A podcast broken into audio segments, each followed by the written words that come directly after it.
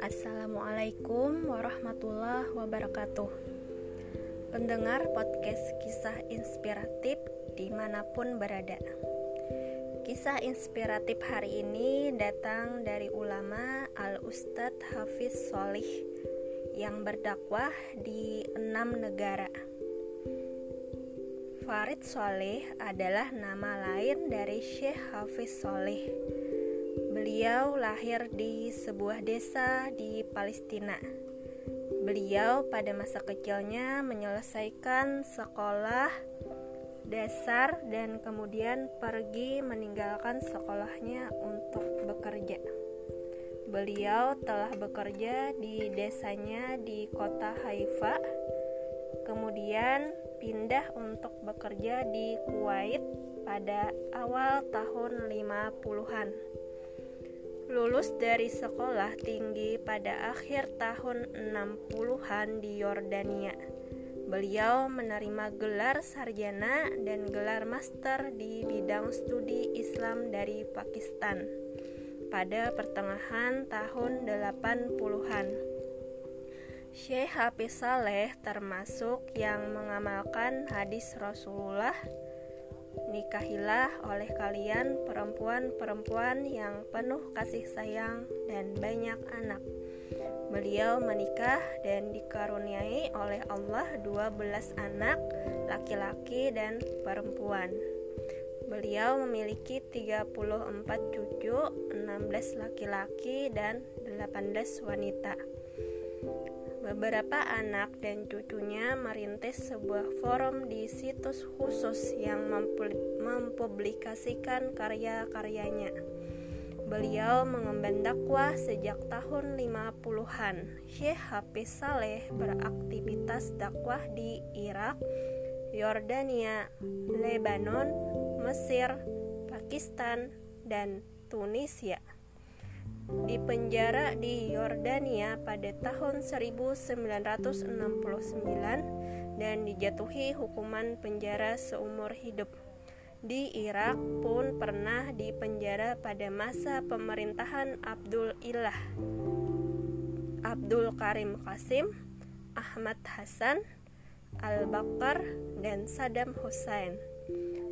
Beliau pun dipenjara di Mesir pada era Anwar Sadat dikejar oleh otoritas Bourguiba maupun oleh intelijen Hafiz al-Assad di Suriah atau Syria. Semua rejim pemerintahan ini ingin memisahkan antara Syekh Hafiz Saleh dari aktivitas mengemban dakwah dan membangkitkan umat bahkan ingin memisahkan antara dirinya dan kehidupan atau menghilangkan nyawa beliau.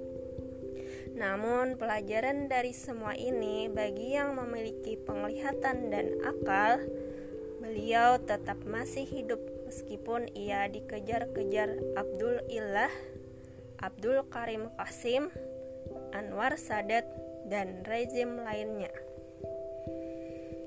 Beliau mengemban dakwah di tepi barat dan Irak di tahun 60-an dan kemudian kembali ke Yordania kemudian pindah ke Mesir pada masa Anwar Sadat. Beliau bekerja di sana sampai akhirnya di penjara. Beliau kembali ke Yordania dan Irak di era Ahmad Hasan al-Bakr. Beliau pun dipenjara dan setelah bebas beliau kembali ke Yordania. Syekh Hafiz Saleh pernah ditinggal di Lebanon bersama Syekh Taqiyuddin An-Nabhani rahimahullah tidak lebih dari tiga tahun sampai Syekh Taqiyuddin An-Nabhani meninggal. Kemudian beliau tinggal sebentar bersama Syekh Abu Yusuf atau Abdul Qadim Zalum, lalu pindah ke Tunisia ia memegang lebih dari 40 kelompok kajian Usbu'iyah selama di Tunisia. Beliau meninggalkan Tunisia kembali ke Lebanon dan kemudian ditugaskan ke Pakistan di mana beliau menghabiskan waktu selama dua tahun dan kemudian kembali ke Lebanon. Setelah menjalani berbagai perjalanan tersebut, kemudian mulai kesehatannya memburuk dan terkena stroke hingga mengalami kelumpuhan. Setelah itu, beliau memutuskan untuk kembali menjalani kehidupan di Yordania. Beliau kembali ke Yordania sejak akhir tahun 90-an hingga Allah mewafatkan beliau. Menurut keluarganya, mereka bersaksi bahwa Syekh Hafiz Saleh memandang dan menganggap dirinya sebagai keluarga besar pengemban dakwah syariah dan khilafah. Siapa pun yang suatu hari sejalan dengan pemikiran ini, maka baginya akan dianggap sebagai paman, saudara, atau anak oleh Syekh Hafiz. Tidak ada perbedaan antara mereka di mana pun mereka tinggal atau pindah. Inilah barangkali salah satu bentuk perhatian beliau terhadap para pengemban dakwah yang sama-sama sedang berjuang melanjutkan kehidupan Islam. Karya beliau yang dicetak dalam bentuk buku antara lain Ad-Demokratiyah wa Hukmu al-Islam fiha Hukum Islam atas Demokrasi An-Nahdah atau Kebangkitan. Min Al-Quran Al-Karim. Minhaj Al-Quran Al-Karim fi Ad-Dakwah atau metode Al-Quran Al-Karim dalam dakwah. Nazharat Da'iyah wi Aswar Al-Makiyah. Nazharat Da'iyah wi Aswar Al-Madaniyah ada beberapa puisi yang dicetak namun disepakati oleh keluarga beliau hanya dijadikan koleksi khusus keluarga dan tidak untuk dipublikasikan. Syekh Hafiz Saleh juga memiliki koleksi buku-buku yang belum diterbitkan antara lain Syarhu Kitabi At-Takatul, penjelasan buku Takatul. Sebuah buku berjudul Sukhur ala At-Tariq yang rencananya akan dipublikasikan oleh keluarganya. Beliau juga memulai menulis buku untuk menanggapi wacana mengenai mengangkat senjata dalam mendirikan khilafah dan membangkitkan umat. Akan tetapi beliau belum dapat menyelesaikannya kecuali bagian pendahuluannya. Beliau lebih dulu meninggal dunia. Si Hafiz memiliki pandangan yang spesifik terhadap Al-Quran. Pandangan Syekh Hafiz ini tertuang dalam kitab Nahju Al-Quran fi Ad-Da'wah. Berikut ini seruan Syekh Hafiz pada bab 1 tentang Al-Quran. Karena itu, saya menyerukan secara terbuka kepada ulama umat ini, kalangan intelektual, para pemuka masyarakat, para pemimpin partai, agar mereka memberikan perhatian besar pada permasalahan ini serta mengkaji ulang sirah Nabi Muhammad SAW yang agung dengan perspektif Al-Quran Al-Karim agar sirah tersebut dipahami sebagai strategi dakwah dan metode tertentu yang baku untuk mengembalikan pemerintahan kaum muslimin dan melanjutkan kembali kehidupan Islam serta mengemban risalah Islam ke seluruh dunia. Sama persis seperti tata cara yang ditempuh oleh Rasulullah Shallallahu Alaihi Wasallam dan selamat dari keterperosokan ke dalam perkara yang diharamkan seperti yang menimpa sebagian kalangan. Berdasarkan kajian Syekh Hafiz tersebut dalam ayat-ayat makiyah maka karakter dakwah dan fase yang ditempuh Rasulullah dipaparkan oleh Syekh Hafiz sebagai berikut. Siapa saja yang ingin terikat dengan metode Al-Quran dan metode Rasulullah, dia wajib menempuh tata cara yang sama yang telah ditempuh oleh Rasulullah Shallallahu Alaihi Wasallam.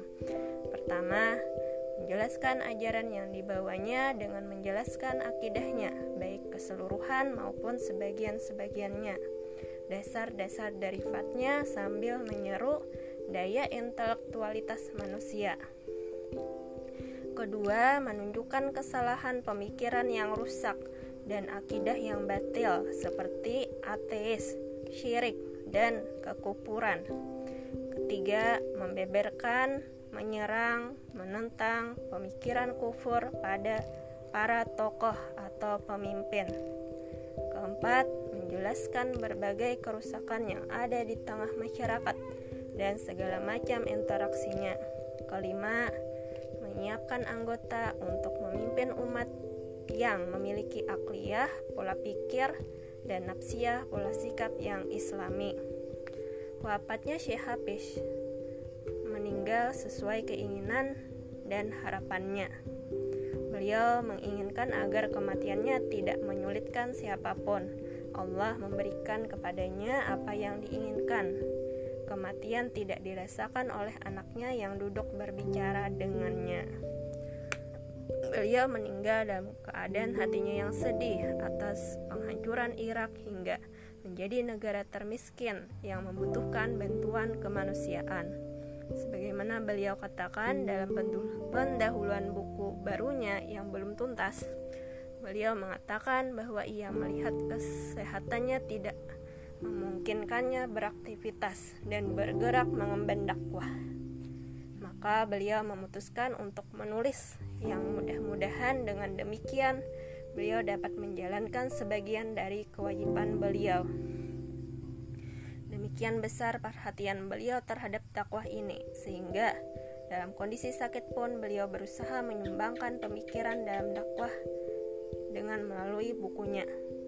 Kesabaran menjalani konsekuensi dakwah hingga harus keluar masuk penjara.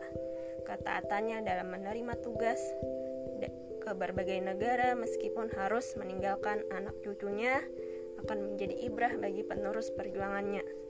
Semoga Allah mengampuni beliau, menerima amal ibadah beliau dan dikembalikan kehidupan Islam melalui tegaknya khilafah. Semoga Allah menempatkannya bersama para nabi, siddiqin dan orang-orang saleh.